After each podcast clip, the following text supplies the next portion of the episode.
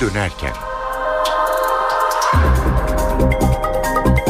İyi akşamlar ben Öykü Özdoğan eve dönerken başlıyor. Tam iki buçuk saat boyunca Türkiye ve dünyadan günün önemli gelişmeleriyle karşınızda olacağız. Öne çıkan haberlerin özetiyle başlayalım. Bingöl cezaevinden firar eden 18 PKK'lıdan 17'si yakalandı. Kaçakların yeri insansız hava araçlarıyla saptandı. Güvenlik güçleri kayıp diğer kişiye ulaşmak için seferber oldu. Firarın faturası ise cezaevi yönetimine kesildi. Cezaevi müdürü ve 3 yardımcısı görevden alındı. Başbakan Erdoğan çalışma hayatı ile ilgili radikal bir öneriyi gündeme getirdi. Erdoğan, işçi memur ayrımı ortadan kalksın, her ikisi de çalışan olarak kabul görsün dedi. Spor Bakanı Suat Kılıç derbi soruşturmasında gözaltına alınan şüphelilerin serbest bırakılmasını değerlendirdi. Maalesef tutuklanmadılar ifadesini kullandı. Organ nakillerinde sahtecilik yaptığı ileri sürülen zanlılara Ankara merkezli bir operasyon düzenlendi. Aralarında profesörlerin de olduğu 16 kişi gözaltına alındı. Uçak biletinde tavan fiyat modeli başlıyor. Yeni sistemle havayolu şirketleri uçak biletlerini astronomik fiyatlara satamayacak. Ancak uygulama bayram sonrasında başlayacak. Romanlar Avrupa'dan dışlanıyor. İsveç'te ortaya çıkan fişlemenin ardından şimdi de Fransa Cumhurbaşkanı Hollande romanların sınır dışı edilmesi gerektiğini söyledi.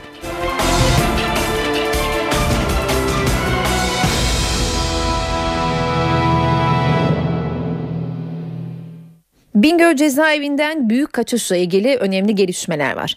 Cezaevinden firar eden 18 tutuklu ve hükümlüden 17'si bölgedeki kapsamlı operasyon sonucu yakalandı. 18 PKK'lı Bingöl merkeze 15 kilometre uzaklıkta kırsal alanda silahsız olarak ele geçirildi. Aranan bir kişi için de güvenlik güçleri çember oluşturdu. Firarın faturası ise cezaevi yönetimine kesildi. Bingöl M tipi kapalı cezaevi müdürü, 3 müdür yardımcısı ve baş gardiyanı görevden alındı. Adalet Bakanlığı'ndan yapılan yazılı açıklamada dün Bingöl cezaevinden kaçışla ilgili adli ve idari soruşturmanın sürdüğü belirtildi. Soruşturmanın selameti açısından birinci müdür, üçüncü, ikinci müdür ve bir baş memur görevinden alınmışlardır denildi. An itibariyle cezaevinden kaçan firarilerin 17'si yakalandı. Biri aranıyor ve cevaplanamayan birçok soru var. Kaçış şekli ve eldeki somut bilgiler PKK'lıların içeriden ve dışarıdan yardım aldığı şüphesini güçlendiriyor. İddiaya göre 18 firari tüneli günlerce aralıksız çalışarak kazmış, kalaslarla sağlamlaştırmış, hatta elektrik tesisatı çekip aydınlatma sistemi bile kurmuş. Gece yerleri tespit edildi. Bingöl kuzeyinde 15 kilometre mesafedeki Orta Çanak mıntıkasında yerleri tespit edildi.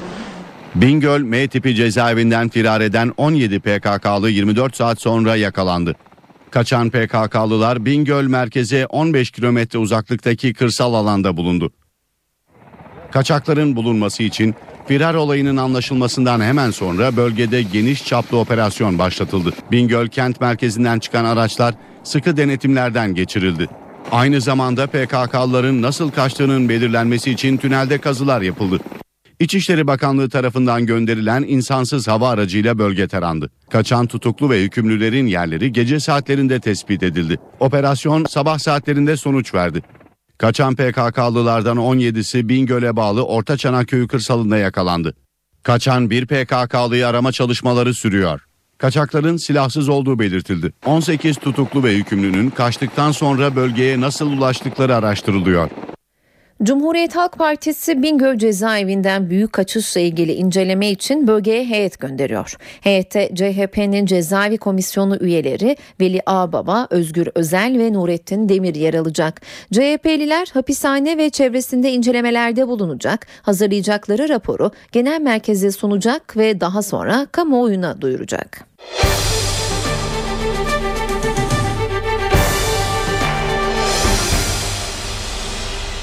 İşçi memur ayrımı ortadan kalksın, her ikisi de çalışan olarak kabul görsün. Açıklama Başbakan Erdoğan'dan. Erdoğan 9 yıl aradan sonra toplanan çalışma meclisi toplantısında önemli mesajlar verdi. Kıdem tazminatı konusunda da işçi ve patron temsilcilerine aranızda anlaşın biz gerekeni yaparız diye seslendi. Acaba biz işçi memur ayrımını ne zaman ortadan kaldıracağız? Batı bunu halletti. Büyük ölçüde halletti. Türkiye'nin de bunu halletmesi gereğine inanıyorum. Zira işçi memurun ne aldığına bakıyor, memur işçinin ne aldığına bakıyor. Emekli olmadan önce veya emekli olduktan sonra. E o zaman gelin oturalım bunu hep birlikte çalışanlar başlığı altında toparlayalım. Eğer bunu bu başlık altında toparlarsak bir defa bu iki yanlı iki bakış ortadan kalkmış olacaktır. Orada da sendikalar olacak ama nedir? İşçi, memur böyle bir ayrım olmayacak. Peki çalışanlar tek çatı altında toplanırsa ne faydası olur? Sosyal güvenlik uzmanı Profesör Cem Kılıcı dinliyoruz. Özellikle Türkiye'deki sendikalaşma oranı %8'ler civarında. Sayın Başbakan da bunun altını çiziyor. Diyor ki herkes çalışan adı altında birleşirse biz sendikal e, haklarda da herkesi bir tutan bir düzenleme yaparız. Herkes için daha anlamlı olur diyor. Son aylarda abonelere gelen yüksek tutardaki elektrik faturaları sorununa Enerji Piyasası Düzenleme Kurumu el koydu. Tüketici hizmetleri yönetmeliği değişiyor. Elektrik dağıtım şirketleri artık abonelere yüksek fatura gönderemeyecek. Elektrikte fahiş fatura dönemi sona eriyor. Bundan sonra elektrik dağıtım şirketleri abonelerine önceki faturalarının çok üzerinde yüksek fatura gönderemeyecek. Son aylarda elektrik abonelerine gelen yüksek faturalar Enerji Piyasası Düzenleme Kurumu'nu harekete geçirdi. Kurum sorunu çözmek için tüketici hizmetleri yönetmeliğinde değişikliğe gitme kararı aldı. Hazırlanan taslağa göre abonelere ortalama faturasının çok üzerinde bir fatura gönderilemeyecek. Yüksek fatura gönderilmesi durumunda aboneler itiraz edebilecek. İtiraz halinde önceki fatura tutarını ödeyecek. Dağıtım şirketi ise fatura farkını ispat etmek zorunda olacak ve itirazı bir ay içinde sonuçlandıracak. Şirket farkı kanıtlarsa abone farkı ödeyecek. Düzenleme ile ayrıca aboneler geçmiş bir yıla yönelik fatura tutarlarını son faturalarında görebilecek. Uçak biletlerinde tavan fiyat uygulaması başlıyor. Yeni sistemle havayolu şirketlerinin astronomik fiyatlardan bilet satmasının engellenmesi amaçlanıyor. Ulaştırma Bakanı Binali Yıldırım projenin bayrama yetişmeyeceğini söyledi. Bayram öncesi rezervasyonların çok önceden yapılması nedeniyle tavan fiyat için bayram sonrasına tarih verdi. fırsatçılığın önüne geçmeyi hedefliyoruz. Yukarıda sınır koyduğunuz zaman e, işte 59 liraya 39 liraya veya 100 liranın altında satılan biletlerin de bu sefer daha yüksek bir e, e, bedele çıkmaz riski var. Ona da dikkat ediyoruz. Ucuza uçak bileti fırsatı bayram sonrasına kaldı. İç hat uçak biletlerinin belirlenen tavan fiyat üzerinde bir fiyattan satılmamasını öngören çalışma tamamlandı. Ulaştırma Bakanı Binali Yıldırım bayram sonrasına tarih verdi. Rezervasyonlar çok önceden yapılıyor. Biletler internetten alınabiliyor. Dolayısıyla uygulama ancak e, bayram sonu e, yürürlüğe girer. Sivil Havacılık Genel Müdürlüğü'nün yürüttüğü çalışmaya göre havayolu şirketleri uçuştan 3 gün öncesine kadar bakanlığın belirlediği tavan fiyata göre bilet satabilecek.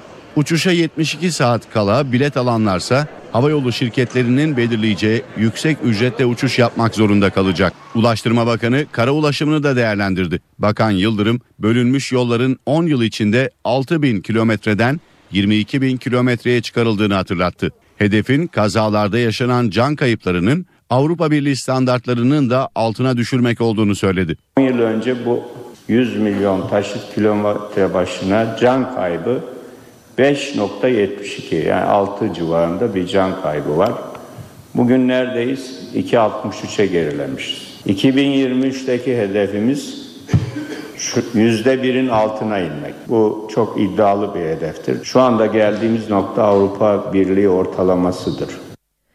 İstanbul'da geçen hafta Fatih Sultan Mehmet Köprüsü'nde protesto amacıyla trafiği kapatan kamyon sürücülerine ağır ceza kesildi. Toplam 63 bin liralık ceza, sol şeridi sürekli işgal, zorunlu nedenler bulunmamasına karşın diğer araçların ilerleyişine engel olmak ve yetkili kişilerin uyarı ve işaretlerine uymamak gerekçesiyle kesildi. Eylem sırasında köprü beşik gibi sallanmış, Ulaştırma Bakanı Binali Yıldırım bunun büyük bir risk yarattığını açıklamıştı. Saat 17 17-12 ben Öykü Özdoğan eve dönerken ne yeniden karşınızdayız. Olaylı Beşiktaş Galatasaray derbisinde gözaltına alınan şüpheliler serbest bırakıldı. Gençlik ve Spor Bakanı Suat Kılıç kararı değerlendirirken maalesef tutuklanmadılar ifadesini kullandı. Sahayı işgal edenler nihayetinde iyi ve insani amaçlarla sahaya girmediler. Sportif amaçlarla sahaya girmediler. Yaptırımsız kalmaları, cezasız kalmaları düşünülemez. Gençlik ve Spor Bakanı Suat Kılıç tepkili. Tepkisinin nedeni derbi sonrası gözaltına alınanların serbest kalması. E, Dünyadaki en sert kanunlardan bir tanesi. Türkiye'deki 6222 sayılı kanun. Ama bir kanunun istenen neticeyi verebilmesi aynı zamanda uygulayıcıların iradesiyle de paralel. Polisin gözaltına aldığı isimler var. Bu isimler maalesef tutuklanmadı. Oradaki adliyenin takdiri nedir bunu bilemiyorum. Bakan Kılıç, Beşiktaş Galatasaray maçı sonrası yaşanan olayların tekrarlanmaması için gerekirse yeni düzenleme yapabileceklerini söyledi.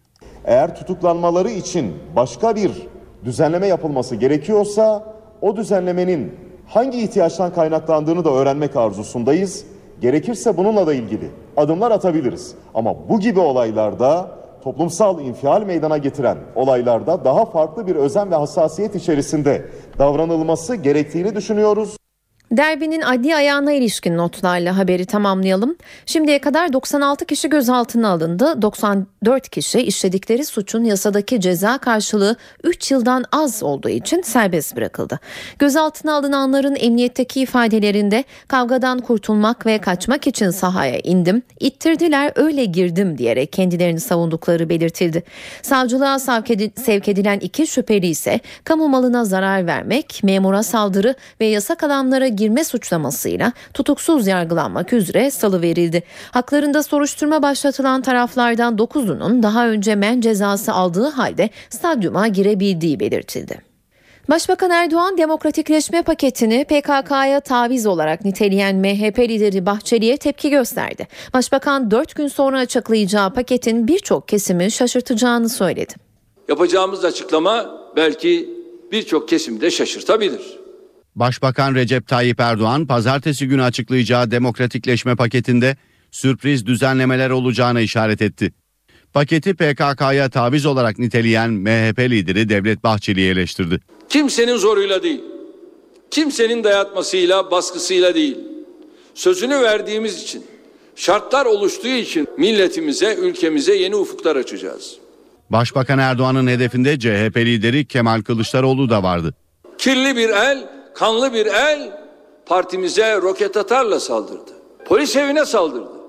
Korkup geri adım mı atacağız?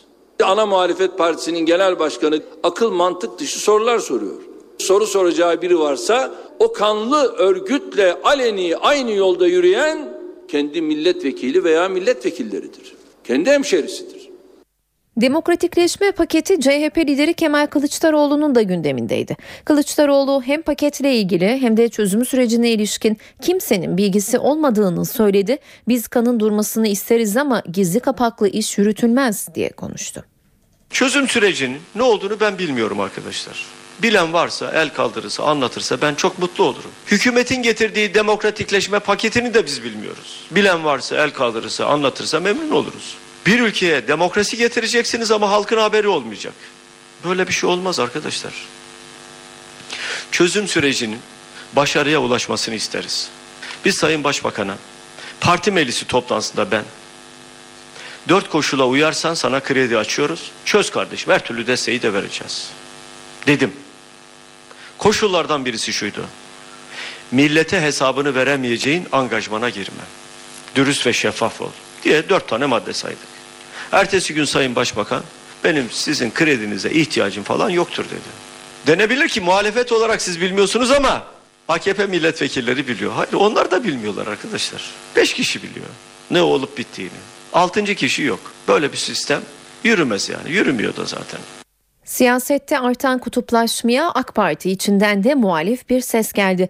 Eski Kültür ve Turizm Bakanı Ertuğrul Günay 2 Ekim'de başlayacak yeni yasama döneminde meclisin sakin ve sağduyulu çalışabileceği konusunda umut vermediğini söyledi. Muhalefet temsilcileri ise gerginliğin nedeni olarak iktidar partisini gösterdi. Türkiye Büyük Millet Meclisi'nin bu dönem sakin ve sağduyulu bir ortamda çalışmalarını sürdürebileceği konusunda yeterince umut vermiyor ne yazık ki. Eski Kültür ve Turizm Bakanı AK Parti İzmir Milletvekili Ertuğrul Günay siyasetteki kutuplaşmadan rahatsız. Günay mecliste basın toplantısı düzenledi. İktidar ve muhalefet partilerinin en üst düzey sözcülerinin PKK'nın tutsağı, El-Kaide'nin destekçisi, DHKP'cilerle kol kola gibi yasa dışı örgütlerin yandaşlığıyla suçlanmasının demokratik eleştiri sınırlarını çok aşan söylemler olduğu açıktır. Muhalefetten de Ertuğrul Günay'ın sağduyu çağrısına değerlendirme geldi. Muhalefet sözcüleri gerginliğin adresi olarak iktidar partisini gösterdi. AKP'yi bu sağduyuya dönmeye davet ediyorum. Umarım Sayın Ertuğrul Günay'ın bu mesajından AKP'yi yönetenler de nasibini alarak bu politikalardan vazgeçerler. sağduyuya, makuliyete çağrılacak bir şey biri varsa, bir kesim varsa çok uzaklara gitmeye gerek yok. Recep Tayyip Erdoğan'ın sağduyuya çağırmak Türkiye'de yaşanan birçok gerginliği kendiliğinden ortadan kaldırır. NTV Radyo Merkezi Ankara olan ancak kapsamı 17 ile yayılan bir operasyon haberi var sırada. Sahte belgeler düzenleyerek organ nakli yaptıkları iddia edilen aralarında iki profesörün de bulunduğu toplam 16 kişi gözaltına alındı. Şüphelilerin donörle hastayı akraba gibi göstererek nakil işlemleri yaptığı öne sürülüyor. Polis Ankara, Antalya, Adana, Eskişehir, İstanbul ve İzmir'in de aralarında bulunduğu toplam 17 ilde 80 farklı noktaya eş zamanlı operasyon düzenledi. Aralarında iki profesör, eczacı, laborant ve teknisyenlerin de bulunduğu 16 kişi gözaltına alındı. Organ naklinde akraba dışında canlı vericiden organ kabul etmeyin yasal olmadığı için kişileri akraba gibi göstererek organların satıldığı belirlendi. Polisin bir yıldır izlemede olduğu ve organ alan kişilerin arasında tanınmış iş adamları ve zenginlerin de olduğu bildirildi. İzmir polisi uyuşturucu tacirlerine operasyon düzenledi. 35 kişinin gözaltına alındığı operasyona havadan ve karadan çok sayıda ekip katıldı. Polis baskın sırasında karşılaştığı çocuklara da hediye verdi. İzmir'de uyuşturucu tacirlerine düzenlenen operasyonda 35 kişi gözaltına alındı. Polis baskın yapılan yerlerde çocuklara oyuncak dağıttı. Bayraklı'da narkotik ve özel harekat ekipleri şafak operasyonu düzenledi. Baskın öncesi eğlence mekanları ve sokakta uyuşturucu sattığı belirlenen kişiler mercek altına alındı. Takip sonucu çok sayıda adrese eş zamanlı baskın düzenlendi. Operasyona helikopterlerle havadan destek verildi. Yüksek miktarda uyuşturucunun ele geçirildiği operasyonda 35 kişi gözaltına alındı. Polisler baskın sırasında karşılaştıkları çocuklarla da yakından ilgilendi. Peki büyüyünce ne olacaksın? Vay. Çocuklara oyuncak ve kırtasiye malzemesi verildi. Uyuşturucunun zararları da anlatıldı. Sağlık Bakanlığı bürokratı yalanladı ancak bakan doğruladı. Sağlık Bakanı Müezzinoğlu artan kızamık vakalarına Suriyeli sığınmacılar zemin hazırlıyor dedi. Kamplar dışında yaşayan Suriyelileri kontrol etmekte güçlük çektiklerini belirten Sağlık Bakanı sağlık çalışanlarına şiddet uygulayanlara yönelik cezaların da artırılacağını duyurdu. Ee, Suriye'den gelen vatandaşların bir kısmı e, aşılanmamış, bir kısmı aşı yaşını e, geçmiş. Bizim bütün tedbirlerimize rağmen e, burada bir zemin e, e, ne e, ne diyelim zemin hazırlayan bir durumun olduğunu yatsı, yatsıyamayız. Özellikle biz kamplara aldıklarımıza rutin aşıları yapıyoruz. Ama kamp dışında da biliyorsunuz gelenler, şehirlerde yaşayanlar var. Kontrolümüz, sağlık açısından kontrolümüz dışında bu tür vakalar yaşadık. Ama virüsün geliş kaynağı Suriye ve Suriyeli vatandaşlar değil. Sur virüsün geliş kaynağı e, parmak izi Avrupa'dan.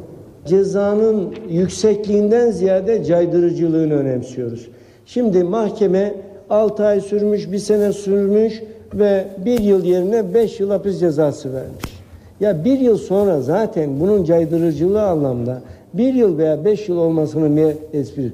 Ama olay bugün oldu ve tutuklandı. Burada 15 gün tutuklu kalırsa esas caydırıcılığı biz burada bekliyoruz. O nedenle ben tutukluluktaki e, faydanın cezanın artışından daha çok önemsiyorum. Plazentada hayata tutundu. Anne karnında kansız kaldığı için hayatı tehlikeye giren doğmamış bebek, kordon bağında bulunan 2 milimetre çapındaki damardan kan verilerek hayata döndürüldü. Konya'da Durdu Akdam adındaki genç kadın hamileliğinin 7. ayında rahatsızlandı ve hastaneye kaldırıldı. Burada yapılan tetkiklerde bebeğin kansız kaldığı her an ölebileceği belirlendi. Doktorlar başarılı bir operasyonla bebeğe kordon bağındaki 2 milimetre çapındaki damardan kan verdi. Profesör Ali Acar, ultrasonla göbek kordonunu bulduk. Kordonda 3 damar var. Önce 2 milimetre çapındaki damardan kan aldık. Gerekli kan tahlili yapıldıktan sonra çocuk için hayati önem taşıyan operasyon kararını aldık. İşlem kontrollü ve çok dikkatli şekilde gerçekleştirildi dedi. NTV Radyo Eski CIA çalışanı Edward Snowden'ın ifşa ettiği dinleme skandalıyla gündeme gelen Amerikan Ulusal Güvenlik Ajansı bir kez daha tartışmaların odağında. Ajansın yıllar önce insan hakları savunucusu Martin Luther King ve efsanevi boksör Muhammed Ali'yi de takibe aldığı ortaya çıktı. Amerika Birleşik Devletleri'nde Ulusal Güvenlik Ajansı yine gündemde. Ajansı bu kez gündeme getiren yıllar önce yapılan takipler. Ajansın 1968'de suikaste kurban giden insan hakları savunucusu Martin Luther King ve efsanevi boksör Muhammed Ali'yi de takibe aldığı ortaya çıktı. Ulusal Güvenlik Ajansı sadece King ve Muhammed Ali'yi değil, New York Times ve Washington Post'tan gazetecilerle iki senatörü de dinlemiş.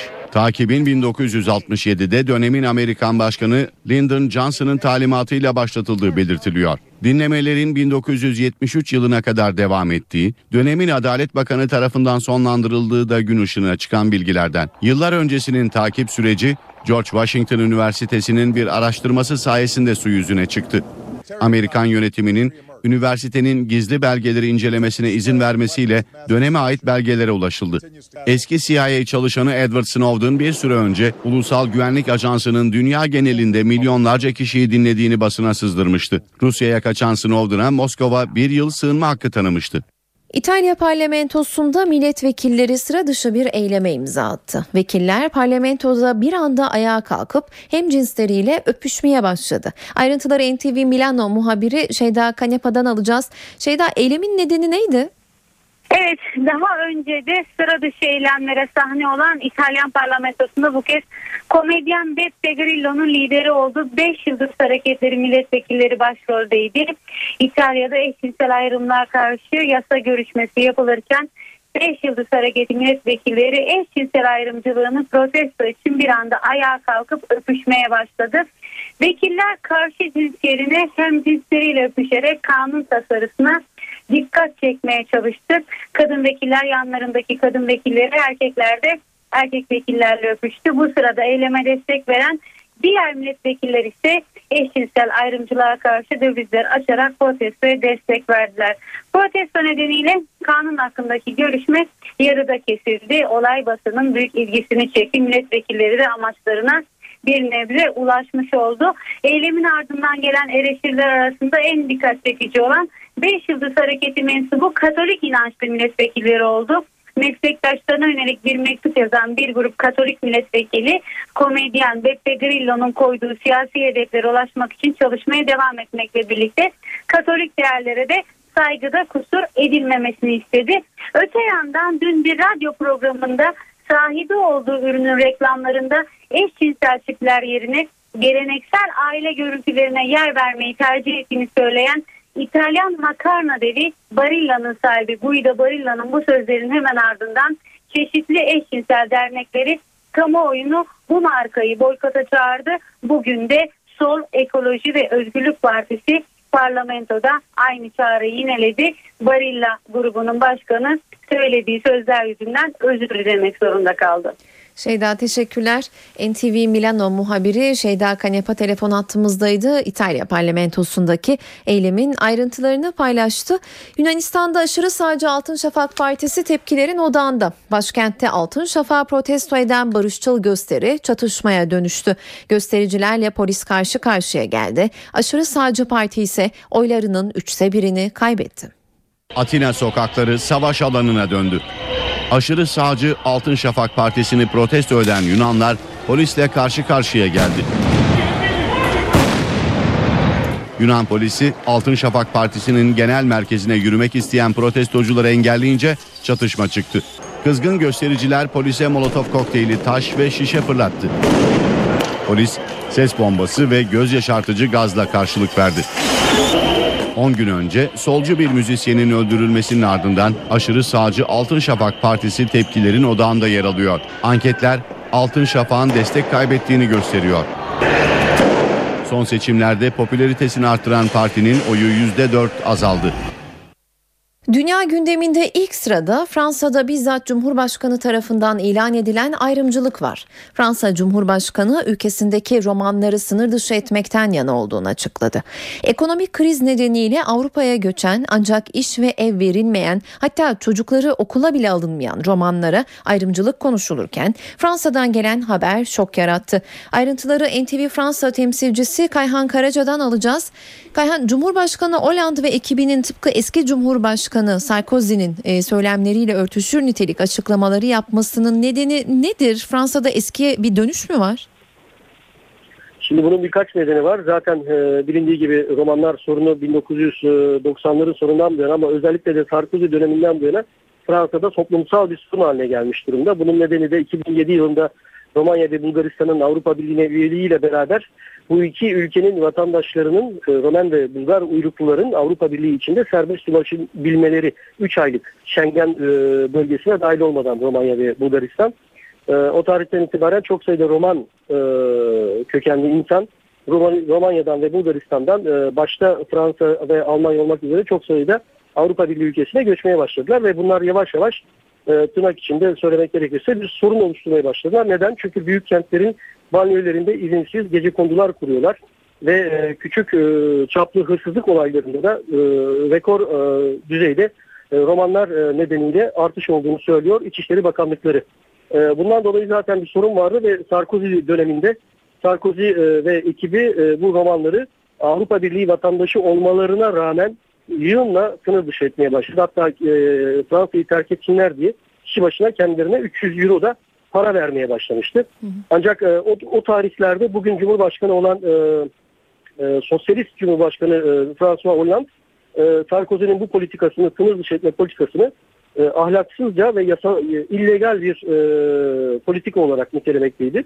Aynı e, e, François Hollande Cumhurbaşkanı, Sosyalist Cumhurbaşkanı bugün bunun tam tersini söylüyor ve e, Sarkozy'nin politikasına devam edilmesini istiyor. Bunun iki nedeni var. Birincisi e, Fransa'da 2014 yılı seçimler yılı. Mart 2014'te belediye seçimleri yapılacak. Mayıs 2014'te de Avrupa Parlamentosu seçimleri var. Dolayısıyla bu romanlar konusu aşırı sağcılar ve merkez sağ partiler tarafından e, kullanılmakta seçim malzemesi olarak. Sosyalist Parti de bunun önüne geçmek istiyor. Bunu frenlemek istiyor bir bakıma. Ee, ancak tabii e, kendi e, içindeki e, unsurlar tarafından özellikle solun solu tarafından çok e, sert biçimde eleştirilmekte bu politika. E, e, fakat e, 2010'a rağmen e, e, kıyasla e, Sarkozy dönemine kıyasla bugün değişik bir e, tabloyla karşı karşıyayız. Zira Romanya ve Bulgaristan e, Avrupa Birliği ile imzaladıkları e, üyelik antlaşmaları gereği 1 Ocak 2014'ten itibaren Schengen bölgesine giriyorlar. Bu ne demek? 1 e, Ocak 2014 tarihinden itibaren Romen ve e, Bulgar uyruklu e, insanlar Avrupa Birliği ülkelerinde sadece serbestçe dolaşamayacaklar.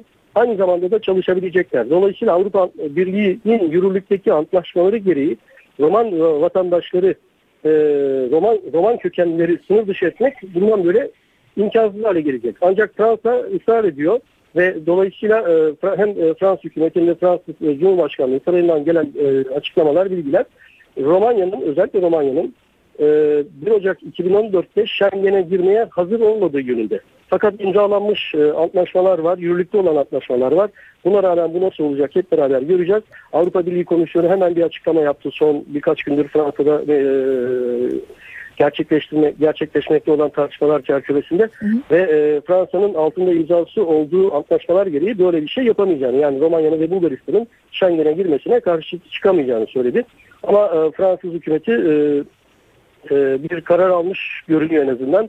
E, fakat önümüzdeki 3 ay içinde bunu Avrupa Birliği'ndeki e, diğer ülkelere kabul ettire, ettirebilecek mi ettiremeyecek mi onu hep beraber önümüzdeki günlerde haftalarda göreceğiz. Peki teşekkürler Kayhan. NTV Fransa temsilcisi Kayhan Karaca telefon hattımızdaydı. Fransa Cumhurbaşkanı Hollande'ın romanlarla ilgili yaptığı açıklamanın ayrıntılarını paylaştı.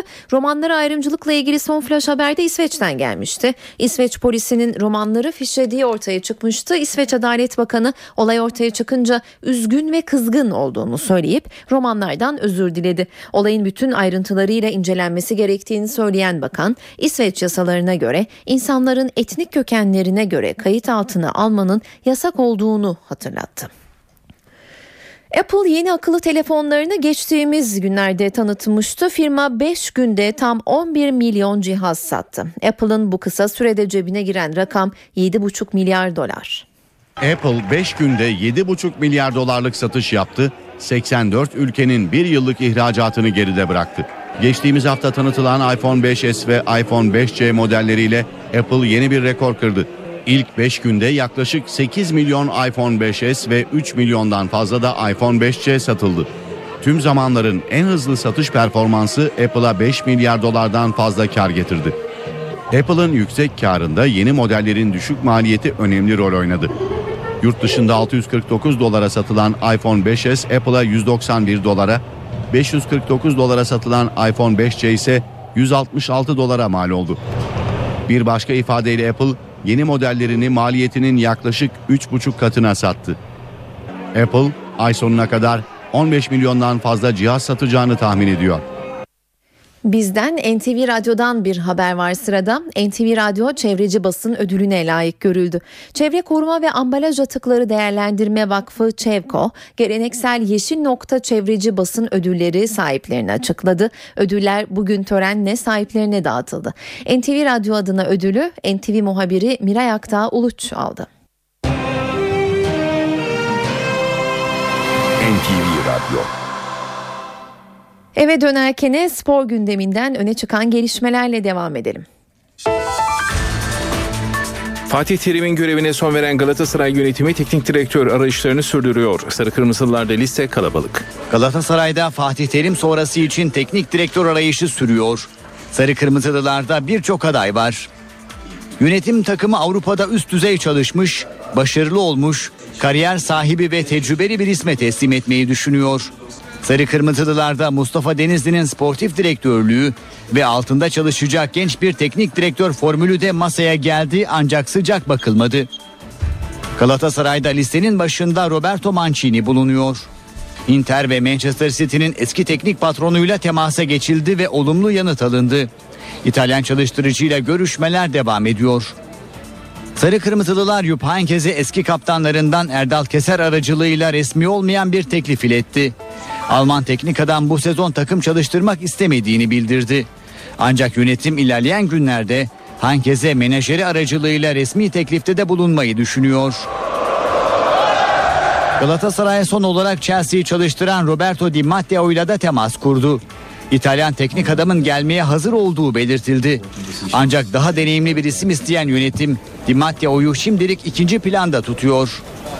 Sarı Kırmızılıların listesindeki diğer deneyimli isim Marcello Lippi. Çin'in Guangzhou takımını çalıştıran İtalyan teknik adam kulübüyle yaşadığı sorunlar nedeniyle ayrılmak istiyor. Ancak yüksek bir tazminat ödenmesi gerekiyor. Bu sorunun çözüme kavuşturulması halinde Lippi en güçlü aday olacak. Lippi gibi kulübüyle sorunlar yaşayan bir diğer isim de Rafael Benitez. Napoli'nin İspanyol teknik direktörünün uzun süreli ve yüksek bedelli bir kontrat karşılığı Galatasaray'a gelmeye sıcak bakabileceği alınan bilgiler arasında. Milli takımın eski teknik direktörü Gus Hiddink'in de ismi gündeme geldi. Ancak Belçika'nın Anvers kentinde bir evi bulunan ve zamanının bir kısmını burada geçirip hafta sonları maçlara gelmek isteyen Hollandalı çalıştırıcı bu nedenle listenin alt sıralarına itildi. Rusya milli takımının Hollandalı çalıştırıcısı Dick Advokat'la Barcelona'dan sağlık sorunları nedeniyle ayrılmak zorunda kalan Tito Villanova ve son olarak Werder Bremen'i çalıştıran Thomas Schaaf da Galatasaray'ın ilgilendiği ve temas kurduğu diğer teknik adamlar. Ancak bu isimlerin Galatasaray taraftarını heyecanlandıracak özellikle olmaması nedeniyle yönetim girişimlerini alt düzeyde tutuyor. Kulüp Başkanı Ünal Aysal'ın teknik direktör konusunda maddi olarak hiçbir fedakarlıktan kaçınmayacağı belirtiliyor. Aysal'ın yöneticilere en iyi ve en istekli teknik direktörü getirelim. Para hiç önemli değil dediği, bunun da görüşmeleri sürdüren isimlerin elini rahatlattığı kaydedildi. Futbol Federasyonu Başkanı Yıldırım Demirören'in Fatih Terim'le ilgili açıklamalarına Galatasaray cephesinden yanıt geldi. Ünal Aysal imzalı bildiride ayrılık kararının Fatih Terim'in Futbol Federasyonu ile yapmış olduğu anlaşma yüzünden alınmadığı vurgulandı. Bugün yapılan basın toplantısında Türkiye Futbol Federasyonu Başkanı Sayın Yıldırım Demirören'in yanlış bilgilere ve anımsamalara dayanan açıklamalarını dinledik. Kendisini brief eden arkadaşlarının özensizliğine ve dikkatsizliğine bağladığımız bu açıklamalar kamuoyu ve camiamız açısından yanıltıcı olabileceği için aşağıdaki gerçekleri bir kez daha tekrarlamakta ve hatırlamakta yarar görüyoruz. 1. Sayın Fatih Terim'le profesyonel ilişkimizi sonlandırma kararımızı TFF ile yapmış olduğu anlaşmaya dayandırmadığımız dün yönetim kurulu üyemiz ve basın sözcümüz Sayın Şükrü Ergün'ün sözlü ve yazılı açıklaması dikkatle okunduğu takdirde açıkça anlaşılacaktır. 2. Kendisiyle yapmış olduğum yegane telefon görüşmesinde Sayın Yıldırım Demirören'e teknik direktörümüzle Ocak ayında yollarımızı ayırabileceğimiz şeklinde bir ifade kesinlikle kullanılmamıştır. Öncesinde mutabakata varmış olduğumuz koşulları paylaştığımız ve bunun üzerine düşünmek için bir süre istedikleri bu telefon konuşması sırasında Sayın Fatih Terim'in de yanımda olduğu düşünülürse böyle bir ifade kullanılmış olsaydım herhalde Terim'in dünkü yönetim kurulu kararını beklemesi değil konuşma bitiminde istifası gerekirdi. 3. Teknik direktörümüze yapılmış ya da yapılacak teklif konusunda bilgimiz olduğu andan itibaren kararımız ve açıklamamız net olmuştur. 4 maç için milli takımımıza teknik direktörlük ve Mayıs ayı sonuna kadar danışmanlık yapma izni verilmiştir. Bunun dışında bir duruma izin vermeyeceğimizi hem telefonda kendisine bizzat ifade etmiş hem de resmi yayın organlarımızdan yayınlamış ve tüm kamuoyuna duyurmuştuk. Hemen ertesi gün tüm basında yer alan bu deklarasyonumuz da herhalde Sayın Demirören'in gözünden kaçmış olsa gerek. 4. Sayın Yıldırım Demirören'in henüz biz alınan kararı sermaye piyasası kuruluna ve basına bildirmediğimiz bir aşamada biz terimle anlaştık şimdi 1 artı 3 yıllık anlaşma imzalamak için bir araya geleceğiz açıklamasını bizler de herkes gibi Doğan Haber Ajansı'nın yayınından öğrenmiş bulunuyoruz ve bunu zamanlama açısından Türkiye Futbol Federasyonu ve Sayın Fatih Terim için bir talihsizlik olarak değerlendiriyoruz. Haberin kaynağında bir sorun varsa bunun muhatabının Galatasaray olmadığı açıktır. Galatasaray'da Fatih Terim'in takımdan ayrılmasının yankıları sürüyor. Sarı Kırmızılı futbolculardan Felipe Melo sosyal medya hesabı üzerinden yayınladığı mesajda size her zaman minnettarım dedi. Burak Yılmaz'la Semih Kaya da kişisel Twitter hesaplarından Fatih Terim'e teşekkür etti. Galatasaray Fatih Terim'le yollarını ayırırken futbolcular arasındaki ilk tepki Felipe Melo'dan geldi. Fotoğraf paylaşım platformu Instagram hesabından düşüncelerini aktaran Brezilyalı Yıldız, Fatih Terim'e her zaman minnet duyacağını yazdı. Terim'e teşekkür eden Melo, Galatasaray'ın kapılarını bana açtı ve hep benim yanımda oldu. Hasan Şaş ve Ümit Davala ile beraber bizim takım olarak büyümemizi sağladı ve engin futbol bilgisinden çok şeyler öğrendik. Anılar, kazanılan şampiyonluklar, süper kupalar, Şampiyonlar Ligi'ndeki başarımız aklımdan hiç çıkmayacak. Şunu belirtmek isterim ki şanlı formamıza dördüncü yıldızı takmak için Sayın Fatih Terim için de mücadele edeceğimizden kimsenin şüphesi olmasın ifadelerini kullandı.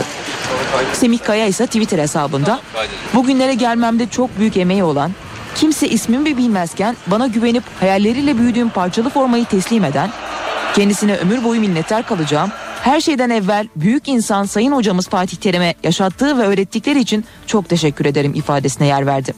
Fatih Terim'le zaman zaman sorunlar yaşayan Burak Yılmaz da kişisel Twitter hesabından acısıyla tatlısıyla geçen her gün için bize olan inancınız, güveniniz için sonsuz teşekkürler. Yolunuz açık olsun hocam dedim.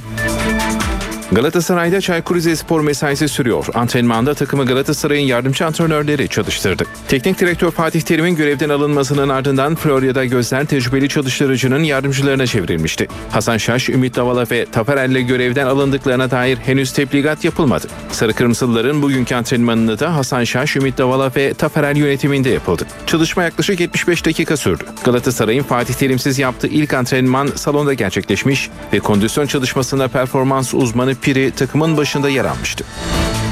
Olimpiyat Stadyumundaki Beşiktaş Galatasaray derbisinde çıkan olaylarla ilgili olarak gözaltına alınan 29 kişiden 27'si savcılık tarafından serbest bırakıldı. Soruşturmayı yürüten Küçükçekmece Cumhuriyet Savcılığı'nın görevlendirmesiyle yayıncı kuruluşun çektiği görüntüler, stadın güvenlik kamerası kayıtları ve polis kamerası kayıtları özel bir ekip tarafından inceleniyor. Kimlikleri tespit edilen taraftarlardan 29'u gözaltına alındı. Bu sabah 27'si serbest bırakıldı. Serbest bırakılan kişilere bir yıl men cezası verildi. Gözaltındaki iki kişi ise adliyeye sevk edildi. Gençlik ve Spor Bakanı Suat Kılıç derbi maçında yaşanan olaylar ve gözaltına alınanlar hakkında açıklamalarda bulundu. Sahayı işgal edenlerin cezasız kalmayacağını ifade eden Bakan Kılıç, Türk futbolunun kuruluşunun kulüpler yasasının çıkmasına bağlı olduğunu belirtti. Suat Kılıç, olimpiyat stadının üstünün kapatılarak futbol arenasına dönüştürüleceğini söyledi. Beşiktaş Galatasaray derbisinde yaşananlar herkesi üzdü. Sadece Beşiktaşlıları değil, sadece Galatasaraylıları değil, taraftarı o stadyumda olmayan camiaları da üzdü. Çünkü Türkiye'den dışarıya yansıması gereken fotoğraf bu değildi. Hapis cezalarının uygulanabilir olması lazım. Bu alt sınırı yükseltmek biçiminde de olabilir. Suç kategorisini değiştirmek yoluyla da olabilir. Ama hapis cezaları uygulanabilir olmadığı takdirde bir caydırıcılık tartışması beraberinde gelebiliyor. Bu caydırıcılık tartışmasının Türkiye'de artık yaşanmaması lazım. Dünyadaki en sert kanunlardan bir tanesi. Türkiye'deki 6222 sayılı kanun. Ama bir kanunun istenen neticeyi verebilmesi aynı zamanda uygulayıcıların iradesiyle de paralel. Ee, polisin gözaltına aldığı isimler var. Bu isimler maalesef tutuklanmadı. Oradaki adiyenin takdiri nedir bunu bilemiyorum. Eğer tutuklanmaları için başka bir düzenleme yapılması gerekiyorsa o düzenlemenin hangi ihtiyaçtan kaynaklandığını da öğrenmek arzusundayız. Gerekirse bununla da ilgili adımlar atabiliriz. Sahayı işgal edenler nihayetinde iyi ve insani amaçlarla sahaya girmediler. Sportif amaçlarla sahaya girmediler. Bu en basitinden 90 artı 2'de oyunu tatil ettirmelerinden bile anlaşılabiliyor. Yaptırımsız kalmaları, cezasız kalmaları düşünülemez. Nihayetinde holiganizmin bedelini camialar ödüyorsa topyekün futbol camiası kendi önlemlerini almak konusunda gereken adımları atacaktır. Polisin tespitleri olacak, adli makamların tespitleri olacak. Bu tespitlerin nihayetinde grup olarak değil kişiler bazında suçlular belirlenecek ve onlar üzerinden 6222 sayılı kanunun cezai hükümleri uygulanacak. Olaylara karışan şayet 3-5 bin kişi ise o stadyumdaki olaylardan büyük kaygı duyan, büyük tedirginlik duyan 70 bin insanı da ayrıca olayın tarafı haline getirmeye hiç kimsenin hakkı yok. Türk futbolunun kurtuluşu kulüpler yasasının çıkmasına bağlıdır.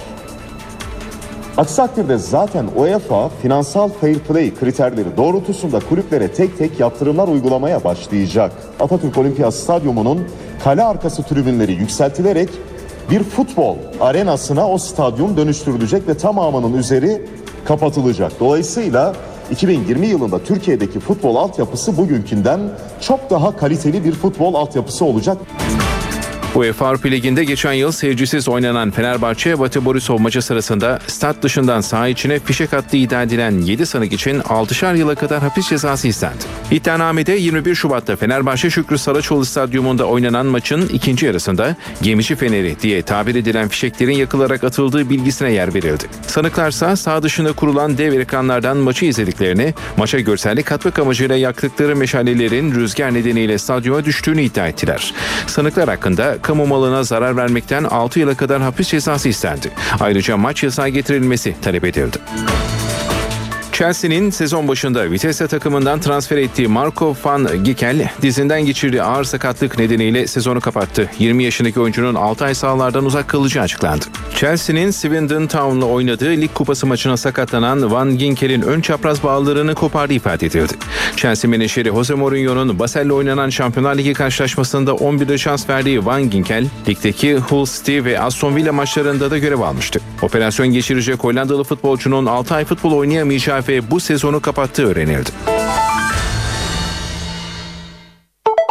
Sahibinden.com Sahibinden.com trafik durumunu sunar. Sahibinden.com İstanbul'daki trafik durumunu aktaralım. Anadolu yakasından Avrupa yakasına geçişler her iki köprüde de yoğun görünüyor. Fatih Sultan Mehmet Köprüsü'nde Ümraniye Elmalı'dan başlıyor yoğunluk. Boğaziçi Köprüsü'ne baktığımızda ise Altunizade'den itibaren oldukça sıkışık görünüyor. Avrupa yakasına geçildiğinde de bu yoğunluk Zincirlikuyu'ya kadar sürüyor. Avrupa yakasından Anadolu yakasına geçişlerde Fatih Sultan Mehmet Köprüsü'ne bakalım. Ee, köprü gişelerine doğru hasarlı bir trafik kazası var. Bu nedenle olandan daha yoğun görünüyor ve sıkışıklık Finans kentten itibaren başlıyor. Ee, Fatih Sultan Mehmet Köprüsü'nde aracılar Maslak ve Levent'ten bağlantı yolundan sonra köprü çıkışına kadar devam ediyor. Boğaziçi Köprüsü de yine aynı şekilde oldukça yoğun. Haliç Köprüsü'nden başlıyor yoğunluk köprü girişine kadar sürüyor. Ee, Avrupa yakasında Bayrampaşa'dan başlayan bir sıkışıklık göze çarpıyor. Mahmut Bey gişeler girişine kadar sürüyor bu yoğunluk. Yine Avrupa yakasında Topkapı'dan itibaren toz koparana kadar bir yoğunluk var. Anadolu yakasına baktığımızda ise sahil kesiminde Kartal Pendik istikametinde Kartal Yeşilbağlar'dan Kaynarca'ya kadar bir yoğunluk göze çarpıyor. İyi yolculuklar dileriz. Sahibinden.com Sahibinden.com trafik durumunu sundu. Sahibinden.com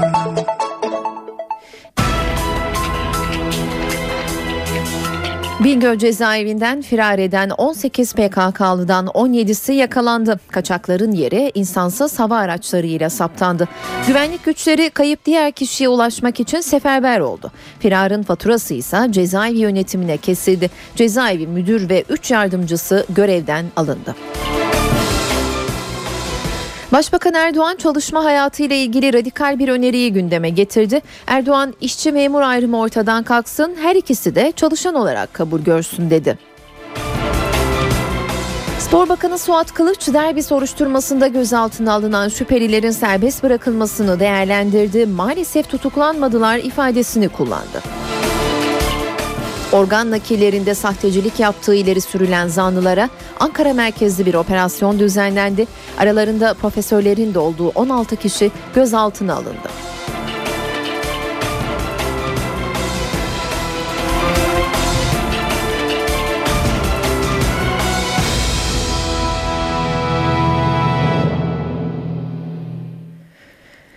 Bingöl'de cezaevinden dün firar eden 18 PKK'lıdan 17'si bugün yakalandı. Bir kişi hala aranıyor. Adalet Bakanlığı faturayı cezaevi yönetimine kesti. Cezaevi müdürü ve 3 yardımcısı görevden alındı. Ayrıntıları NTV bölge temsilcisi Nizamettin Kaplan'dan alacağız. Nizamettin iki gündür Bingöl'de. NTV Radyo'da son haberleri aktaracak. Nizamettin sen hem cezaevini çıkışındaki tünelin ağzını gördün hem de firarilerin yakalandığı köye gittin. Gördüklerini ve gözlemlerini hem de 17 kişi bir aradayken yakalanırken kaçan bir kişiyle ilgili yorumlarını dinleyelim. Nizamettin beni duyabiliyor musun?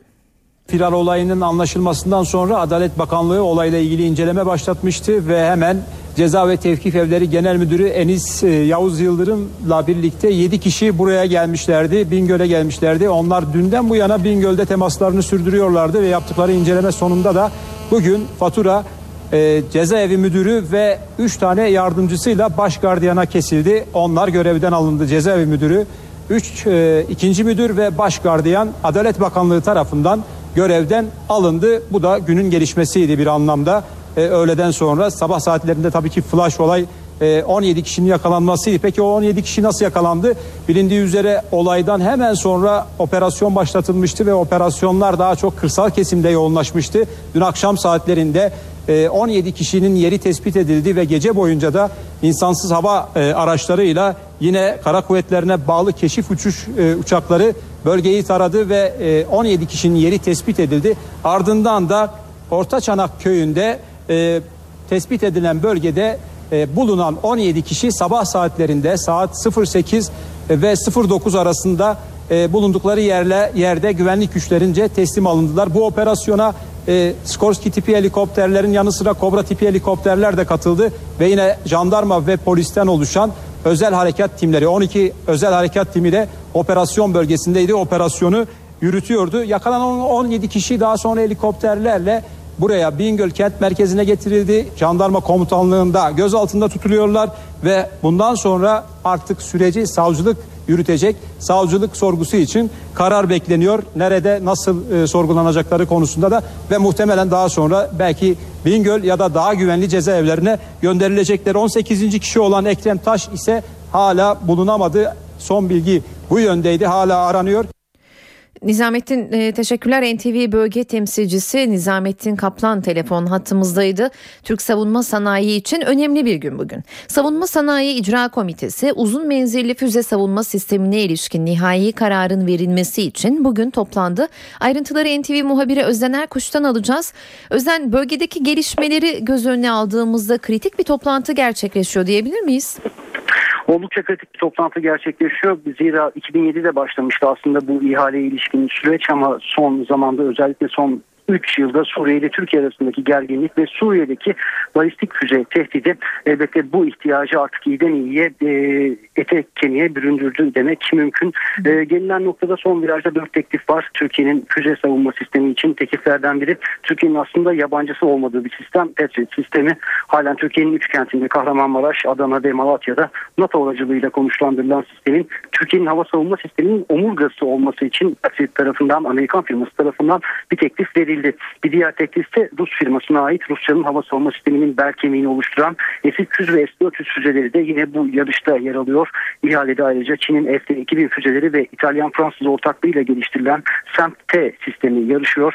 TSK envanterinde halen uzun menzilli füze savunma, hava savunma sistemi bulunmadığını belirtelim. Türkiye halen kısa menzilli hava savunma ihtiyacını Rapier, KDM Monteli Stinger ve füze bataryaları ve modernize edilmiş iHawk füze sistemleriyle karşılıyor.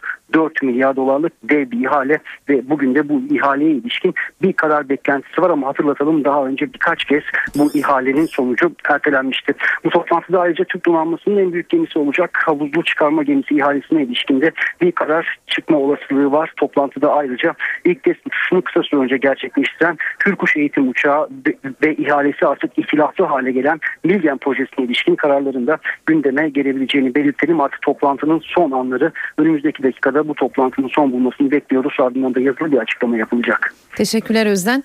NTV muhabiri Özden Erkuş'tan bugünkü Savunma Sanayi İcra Komitesi'nin toplantısı ile ilgili ayrıntıları dinledik. Merkez Ankara olan ancak kapsamı 17 ile yayılan bir operasyonun haberi var sırada. Sahte belgeler düzenleyerek organ nakli yaptıkları iddia edilen aralarında iki profesörün de bulunduğu toplam 16 kişi gözaltına alındı. Ayrıntıları Gökhan gerçekten dinleyeceğiz az sonra. NTV Radyo İşçi memur ayrımı ortadan kalksın, her ikisi de çalışan olarak kabul görsün. Açıklama Başbakan Erdoğan'dan. Erdoğan 9 yıl aradan sonra toplanan çalışma meclisi toplantısında önemli mesajlar verdi. Kıdem tazminatı konusunda da işçi ve patron temsilcilerine aranızda anlaşın, biz gerekeni yaparız diye seslendi. Acaba biz işçi memur ayrımını ne zaman ortadan kaldıracağız? Batı bunu halletti. Büyük ölçüde halletti. Türkiye'nin de bunu halletmesi gereğine inanıyorum. Zira işçi memurun ne aldığına bakıyor, memur işçinin ne aldığına bakıyor. Emekli olmadan önce veya emekli olduktan sonra. E o zaman gelin oturalım bunu hep birlikte çalışanlar başlığı altında toparlayalım. Eğer bunu bu başlık altında toparlarsak bir defa bu iki yanlı iki bakış ortadan kalkmış olacaktır. Orada da sendikalar olacak ama nedir? İşçi, memur böyle bir ayrım olmayacak. Peki çalışanlar tek çatı altında toplanırsa ne faydası olur? Sosyal güvenlik uzmanı Profesör Cem Kılıcı dinliyoruz. Özellikle Türkiye'deki sendikalaşma oranı %8'ler civarında. Sayın Başbakan da bunun altını çiziyor. Diyor ki herkes çalışan adı altında birleşirse biz sendikal e, haklarda da herkesi bir tutan bir düzenleme yaparız. Herkes için daha anlamlı olur diyor. Az önce merkezi Ankara olan kapsamı 17 ile yayılan operasyon haberini vermiştik. Sahte belgeler düzenleyerek organ nakli yaptıkları iddia edilen aralarında iki profesörün de bulunduğu 16 kişi gözaltına alındı demiştik. Ayrıntıları şimdi NTV muhabiri Gökhan Gerçek'ten dinliyoruz. Başkent Polisi tarafından kaçakçılık ve organize suçlarla mücadele şubesi ekipleri tarafından düzenlenen başkentteki ikinci organ çetesi operasyon diyebiliriz. Bunu oldukça farklı oldukça ilginç yöntemler kullanıyorlar. Organ bağışı yapabilmek için ya bağış bekleyen kişinin akrabası olacaksınız ya da sıraya gireceksiniz. Yüzlerce kişi binlerce kişinin olduğu sıra bekledi. Yerde de işte böyle suistimaller ortaya çıkabiliyor. Çete tarafından önce paraya muhtaç insanlar tespit ediliyor. Fakir, işsiz ve para zaafı olan vatandaşlar bulunuyor, tanışılıyor ve organlarını satmaya ikna ediliyor. Evet onlara 10, 10 bin lira, 15 bin lira, 20 bin lira karşılığında böbreklerinin tekini satmaya ikna ediyorlar. Bunun karşılığında da bu paraları alıyorlar. Evet operasyon nasıl gerçekleşiyor? İşte sahtecilik de burada başlıyor aslında. Normal şartlarda bulunan o donör e, organını bağışlayamaz ancak işte sahte belgelerle akraba gibi gösteriliyor. Organ bekleyen ve organ veren şahıslar ve e, nakil işlemi de illegal bir şekilde tespit edilen hastanelerde gerçekleşiyor.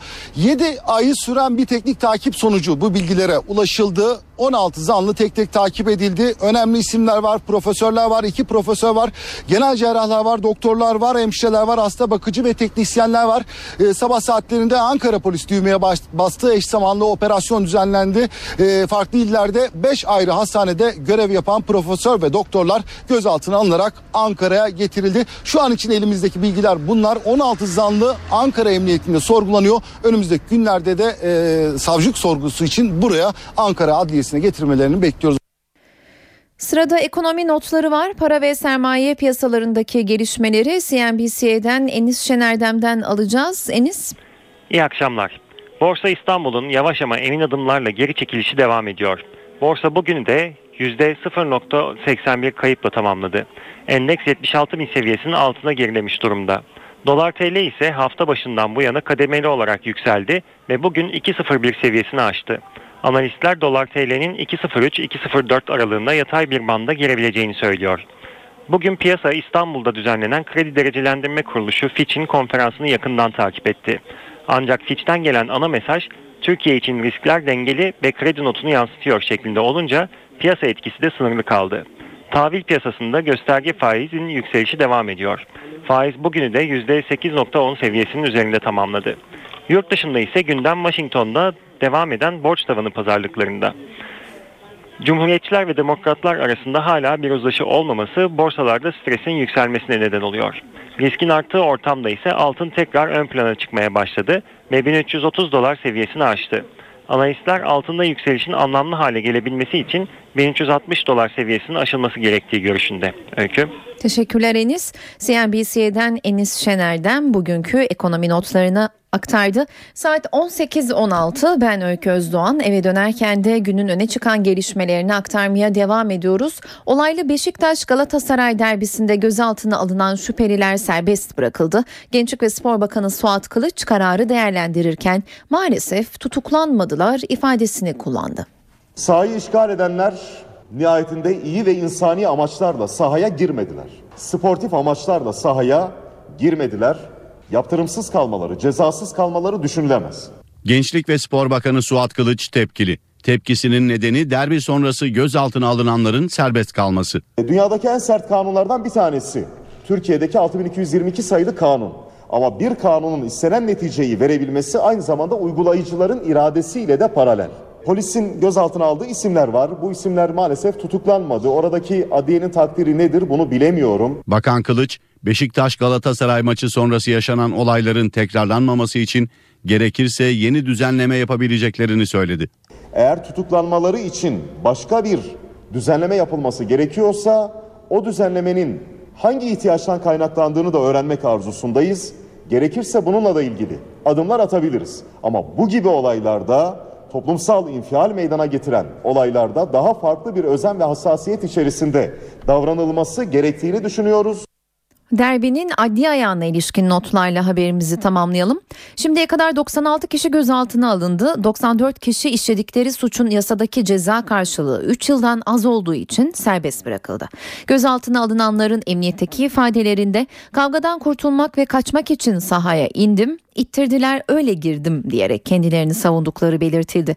Savcılığa sevk edilen iki şüpheli ise kamu malına zarar vermek, memura saldırı ve yasak alanlara girmek suçlamasıyla tutuksuz yargılanmak üzere salı verildi. Haklarında soruşturma başlatılan taraftarlardan 9'unun daha önce men cezası aldığı halde stadyuma girebildiği bildirildi. Stadyumdaki olaylardan Gezi Parkı olaylarına geçelim. Gezi Parkı'nda olanlarla ilgili kriminal inceleme başladı.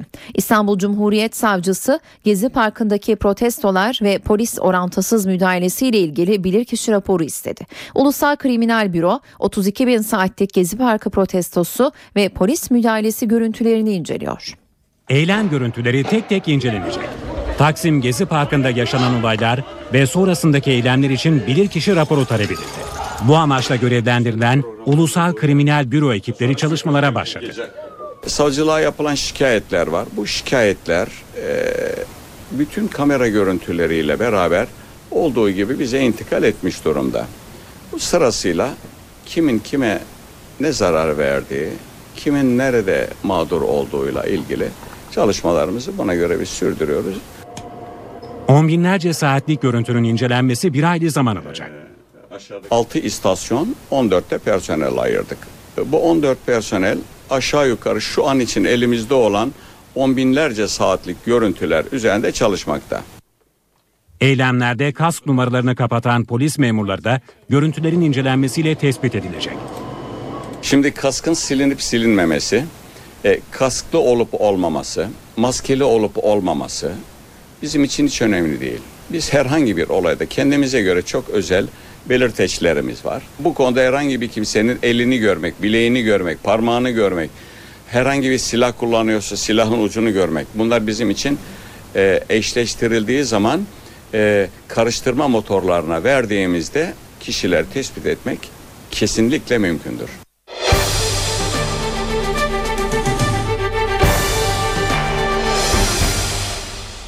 Başbakan Erdoğan demokratikleşme paketini PKK'ya taviz olarak niteleyen MHP lideri Bahçeli'ye tepki gösterdi. Başbakan 4 gün sonra açıklayacağı paketin birçok kesimi şaşırtacağını söyledi. Yapacağımız açıklama belki birçok kesimde şaşırtabilir. Başbakan Recep Tayyip Erdoğan pazartesi günü açıklayacağı demokratikleşme paketinde sürpriz düzenlemeler olacağına işaret etti. Paketi PKK'ya taviz olarak niteleyen MHP lideri Devlet Bahçeli'yi eleştirdi. Kimsenin zoruyla değil, kimsenin dayatmasıyla, baskısıyla değil, sözünü verdiğimiz için, şartlar oluştuğu için milletimize, ülkemize yeni ufuklar açacağız. Başbakan Erdoğan'ın hedefinde CHP lideri Kemal Kılıçdaroğlu da vardı. Kirli bir el, kanlı bir el partimize roket atarla saldırdı. Polis evine saldırdı. Korkup geri adım mı atacağız?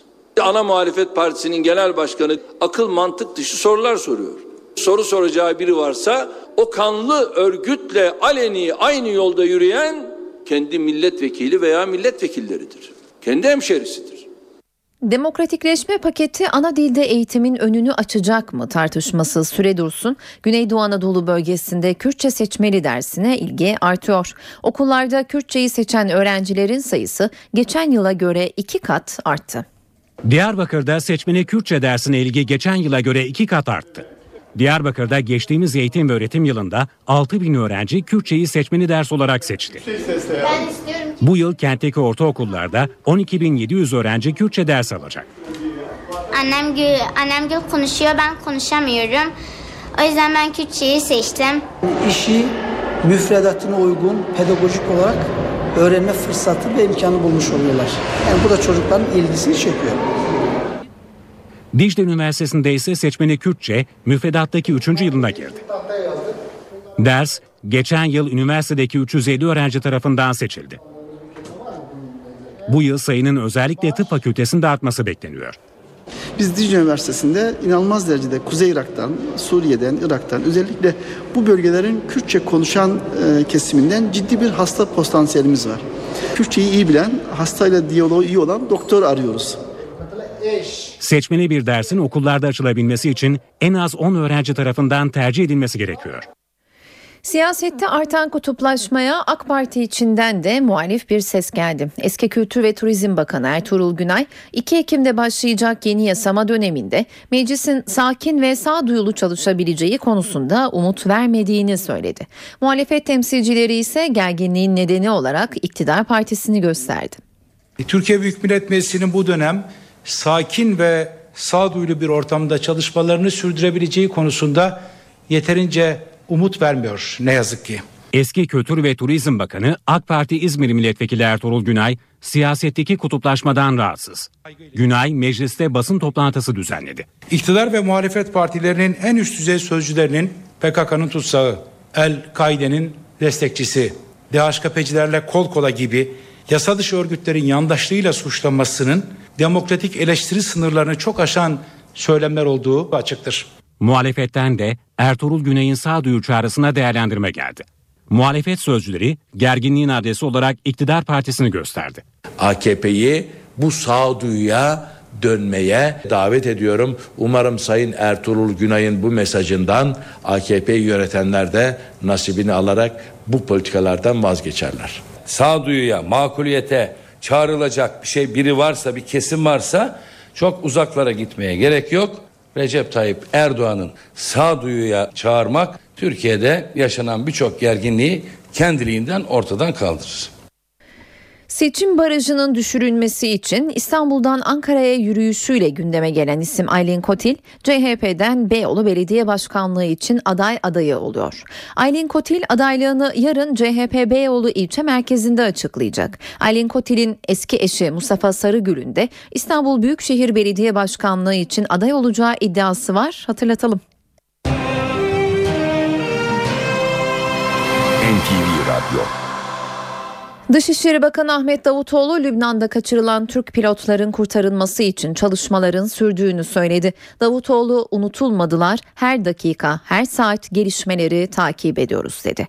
Dışişleri Bakanı New York'ta gazetecilerin sorularını yanıtladı. Siyasi amaçla birini kaçırmak suçtur. Pilotlarımızla ilgili gelişmeleri yakından takip ediyoruz. Olumlu bir sonuç alacağımızı umuyoruz dedi. Davutoğlu Suriye krizinin çözümü konusunda ise bir kez daha Birleşmiş Milletler'e mesaj gönderdi gönderdi. Birleşmiş Milletler'in güvenilirlik için son şansı ve testidir dedi. Davutoğlu Birleşmiş Milletler Güvenlik Konseyi'nin Suriye rejimine ve halkına güçlü bir mesaj vermesi gerektiğini de söyledi. MHP Genel Başkan Yardımcısı Tuğrul Türkeş, Türkiye'nin izlediği dış politika yüzünden iç güvenliğinin tehdit altında olduğunu savundu. Türkeş düzenlediği basın toplantısında hükümetin dış politikasını eleştirdi. AK Parti'nin başından itibaren Suriye'de Özgür Suriye ordusunu desteklediğini, muhalif gruplarla da ilişki içinde olduğunu iddia eden Türkeş, Suriye'deki grupların çoğunun Türkiye'yi ikmal üssü olarak kullandığını ileri sürdü. Türkeş, İstanbul'da kayıtlı 25 bin Suriyeli mülteci var. Valiliğin tahmini dahil 100 bin civarında Suriye'den gelen insan var. Tabiri caizse İstanbul bir dinamit deposu haline geldi dedi. Türkeş AK Parti'nin dış politikada attığı yanlış adımlar yüzünden Türkiye'nin iç güvenliğinin tehdit altında olduğunu da savundu. Pakistan'ın güneybatısını vuran 7,7 büyüklüğündeki depremin bilançosu ağırlaşıyor. Yüzlerce ölü ve yaralı var. Özellikle Aravan bölgesinde yıkım büyük. Kerpiç evlerin %90'ı yerle bir oldu. Bazı köylerde tek bir sağlam yapı kalmadı.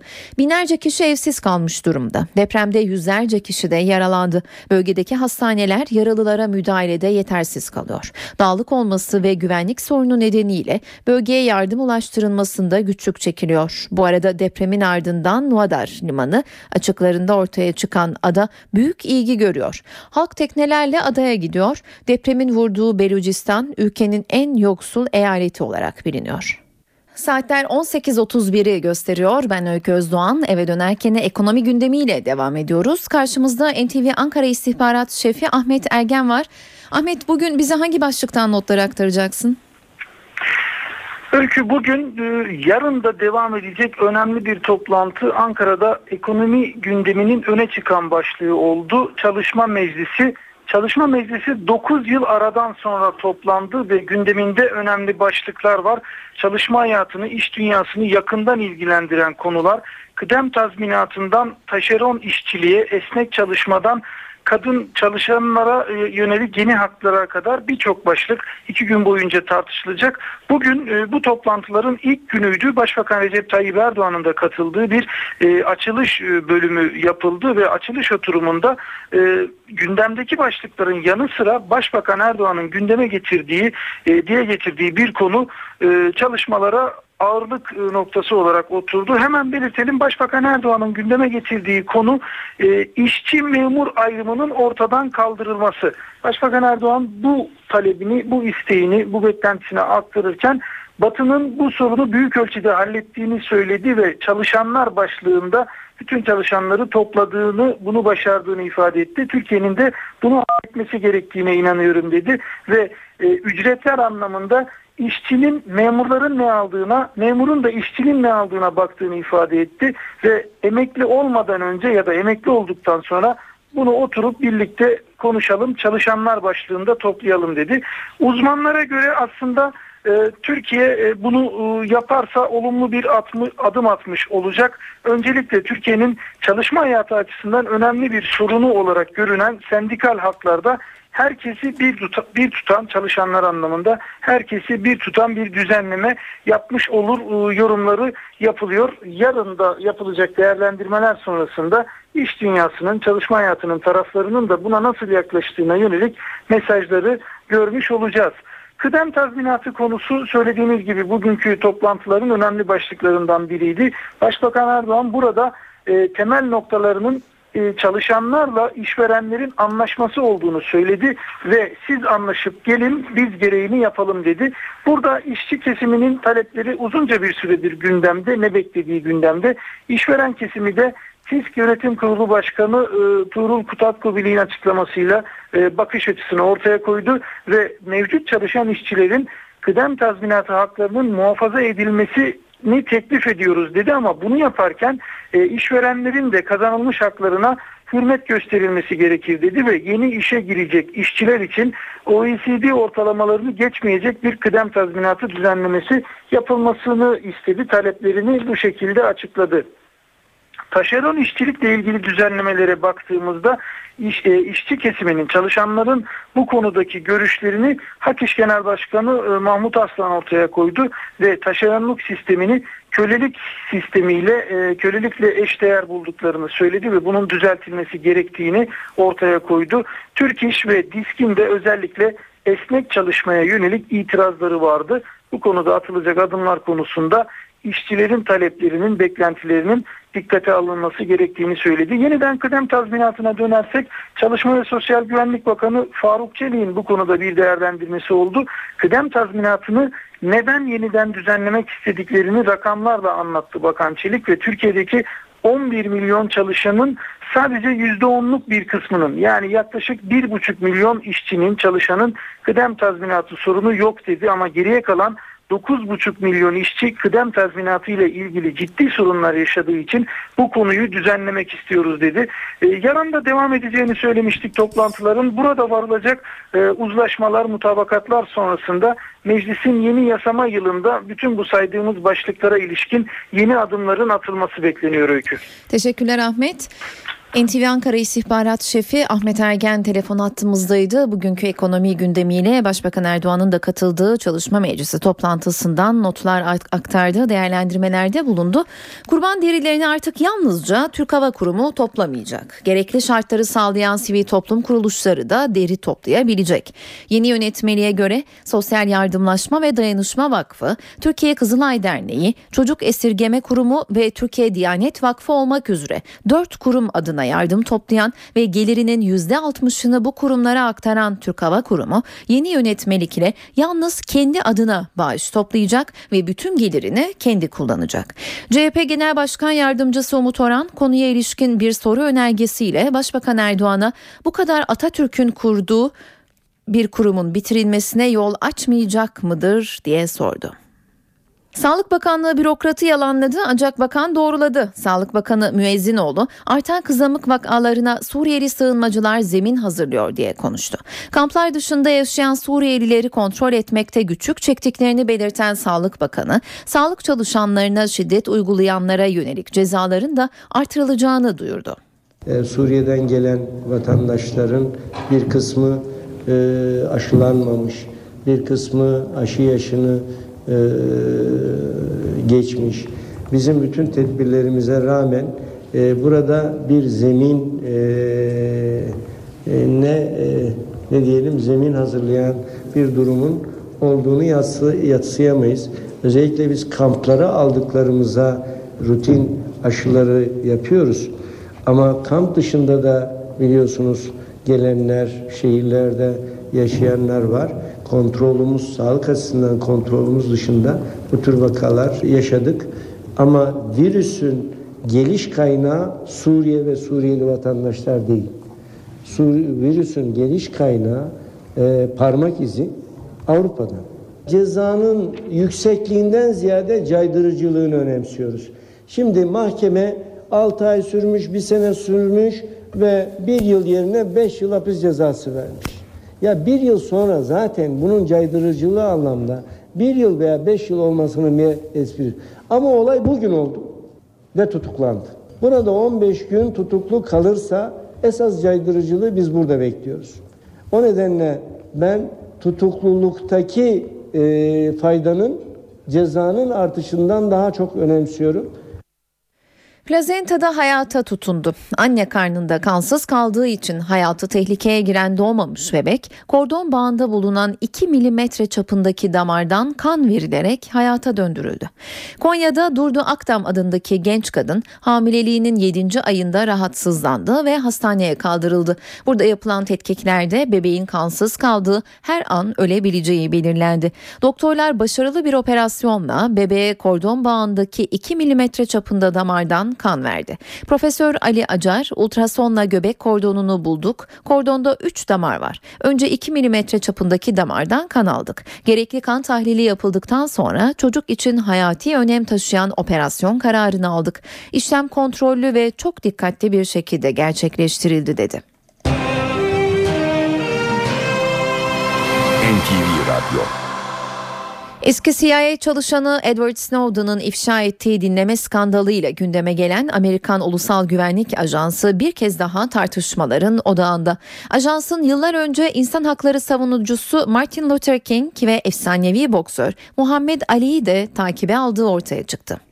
Amerika Birleşik Devletleri'nde Ulusal Güvenlik Ajansı yine gündemde. Ajansı bu kez gündeme getiren yıllar önce yapılan takipler. Ajansın 1968'de suikaste kurban giden insan hakları savunucusu Martin Luther King ve efsanevi boksör Muhammed Ali'yi de takibe aldığı ortaya çıktı.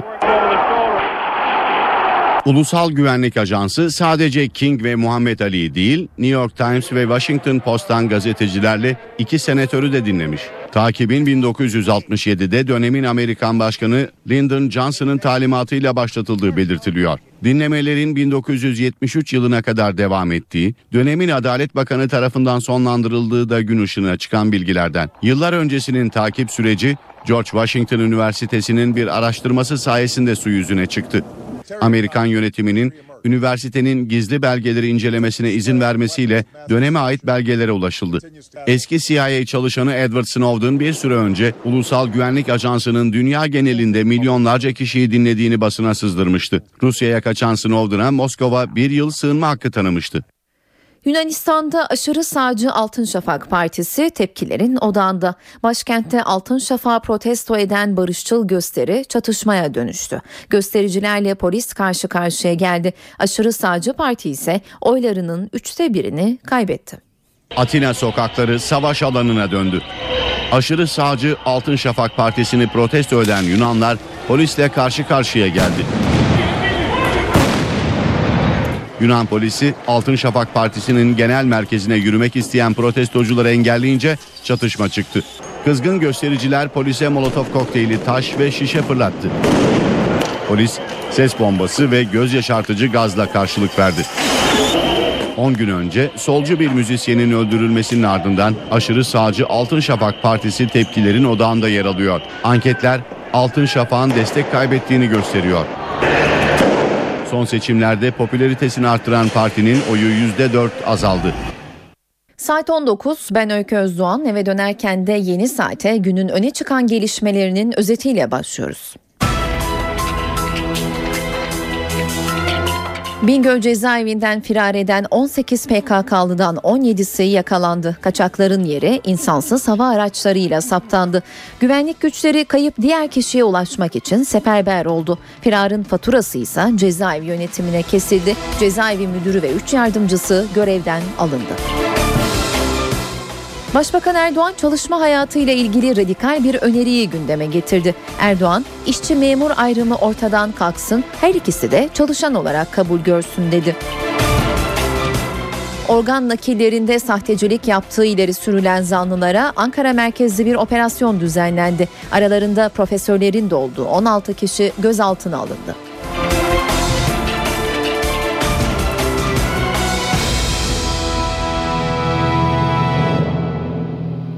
Türk savunma sanayi için bugün önemli bir gündü. Savunma Sanayi İcra Komitesi uzun menzilli füze savunma sistemine ilişkin nihai kararını verdi. 4 milyar dolarlık projede Türkiye'nin tercihi Çin oldu. Ayrıntıları az sonra aktaracağız. Bingöl cezaevinden büyük kaçışla ilgili önemli gelişmeler var. Cezaevinden firar eden 18 tutuklu ve hükümlüden 17'si bölgedeki kapsamlı operasyon sonucu yakalandı. 18 PKK'lı Bingöl merkeze 15 kilometre uzaklıkta kırsal alanda silahsız olarak ele geçirildi. Aranan bir kişi için de güvenlik güçleri çember oluşturdu. Firarın faturası ise cezaevi yönetimine kesildi. Bingöl M tipi kapalı cezaevinin müdürü, 3 müdür yardımcısı ve baş gardiyanı görevden alındı. Adalet Bakanlığı'ndan yapılan yazılı açıklamada dün Bingöl cezaevinden kaçışla ilgili adli ve idari soruşturmanın sürdüğü belirtildi. Soruşturmanın selameti açısından birinci müdür, üç ikinci müdür ve bir, bir baş memur görevinden alınmışlardır denildi. An itibariyle cezaevinden kaçan firarilerin 17'si yakalandı. Biri aranıyor ve cevaplanamayan birçok soru var. Kaçış şekli ve eldeki somut bilgiler PKK'lıların içeriden ve dışarıdan yardım aldığı şüphesini güçlendiriyor. İddiaya göre 18 firari tüneli günlerce aralıksız çalışarak kazmış, kalaslarla sağlamlaştırmış, hatta elektrik tesisatı çekip aydınlatma sistemi bile kurmuş. Gece yerleri tespit edildi. Bingöl kuzeyinde 15 kilometre mesafedeki Orta Şanak mıntıkasında yerleri tespit edildi. Bingöl M tipi cezaevinden firar eden 17 PKK'lı 24 saat sonra yakalandı. Kaçan PKK'lılar Bingöl merkeze 15 kilometre uzaklıktaki kırsal alanda bulundu.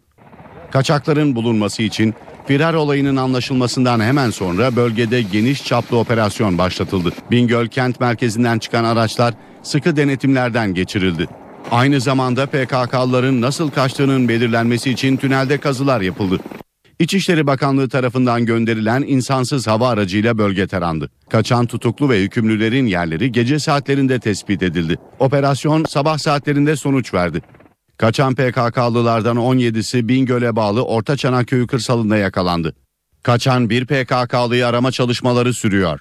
Kaçakların silahsız olduğu belirtildi. 18 tutuklu ve hükümlünün kaçtıktan sonra bölgeye nasıl ulaştıkları araştırılıyor. Eve dönerken hava durumuyla devam ediyor. Son hava tahminlerini NTV Meteoroloji Editörü Gökhan Abur'dan alıyoruz. İyi akşamlar. Lodos yurt genel sıcaklıkları yükseltiyor ama hafta sonu sıcaklıklar Trakya'dan başlayarak kuzey kesimlerde en az 3-4 derece azalacak. Yarın Marmara'nın batı ve kuzey ile Karadeniz'in kıyı kesimleri yeniden yağışlı havanın etkisine giriyor. Yağışlar uzun süreli değil. Cumartesi günü Edirne Kırklareli arasında aralıklı, Rize Artvin arasında daha kuvvetli olmak üzere Doğu Karadeniz'e de yine yağış var. Kuzeydeki yerel yağışların pazar günü aralıklarla devam etmesini bekliyoruz. İstanbul'da yarın hava daha bulut. Kuzey kesimlerde hafif yağış geçişi bekliyoruz. Rüzgar serin esmeye devam edecek ve karayelin serin esmesi sıcaklıkları biraz da olsa azaltacak. Akşam saatlerinde İstanbul'un kuzey ve batı kesimlerinde yağmur bekliyoruz. Sıcaklık ise gündüz 25, gece 18 derece olacak. Ankara yine az bulut, sıcaklık gündüz 26, gece ise hava oldukça soğuk ve sıcaklık yine 11 derecenin altına inecek. İzmir'de ise rüzgar hafif esmeye devam edecek hava açık. Sıcaklık ise gündüz 28, gece ise 17 derece olacak. Hepinize iyi akşamlar diliyorum. Hoşçakalın. Saat 19.12 ben Öykü Özdoğan eve dönerken de yeniden karşınızdayız. Türk savunma sanayi için bugün önemli bir gün demiştik. Savunma Sanayi İcra Komitesi uzun menzilli füze savunma sistemine ilişkin nihai kararını verdi. 4 milyar dolarlık projede Türkiye'nin tercihi Çin oldu. Ayrıntıları NTV muhabiri Özdener Kuş'tan alıyoruz.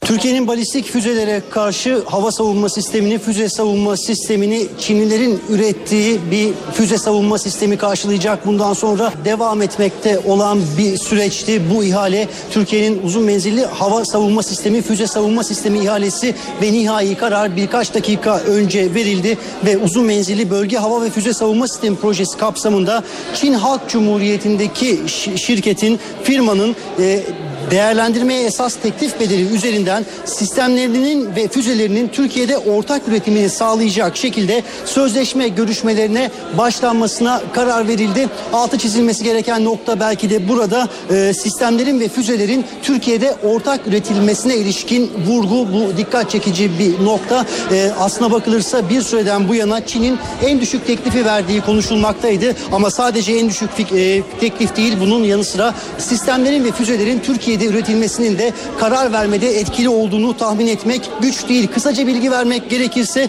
Çin'in dikine fırlatma kabiliyetli uzun menzilli hava savunma füzesi FD-2000 bu sistemin adı ve ikili ve altılı bataryalar halinde konuşlandırılabiliyor. Füze 20 bin metre irtifa ve 100 kilometre menzile sahip.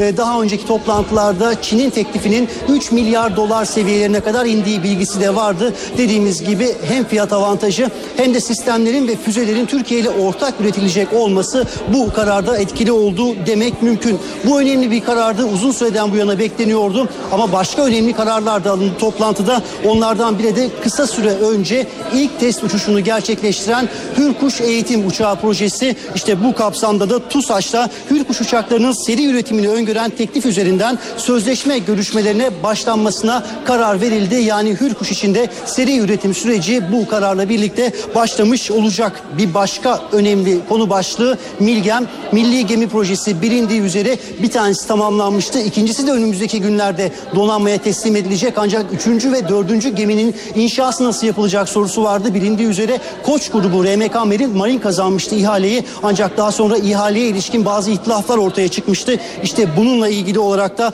3 Ocak 2013 tarihli toplantıda alınan kararın iptal edilmesine, 3. ve 4. gemilerin İstanbul Tersanesi Komutanlığı'nda inşa edilmesine, ihalenin kalan 4 gemi içinde tekrar edilmesine karar verildi. 3 önemli karar alındı Savunma Sanayi İcra Komitesi toplantısında ama elbette en önemlisi Türkiye'nin uzun menzilli füze savunma sistemini bundan böyle Çin'in ürettiği e, füzeler ve sistemler karşılayacak.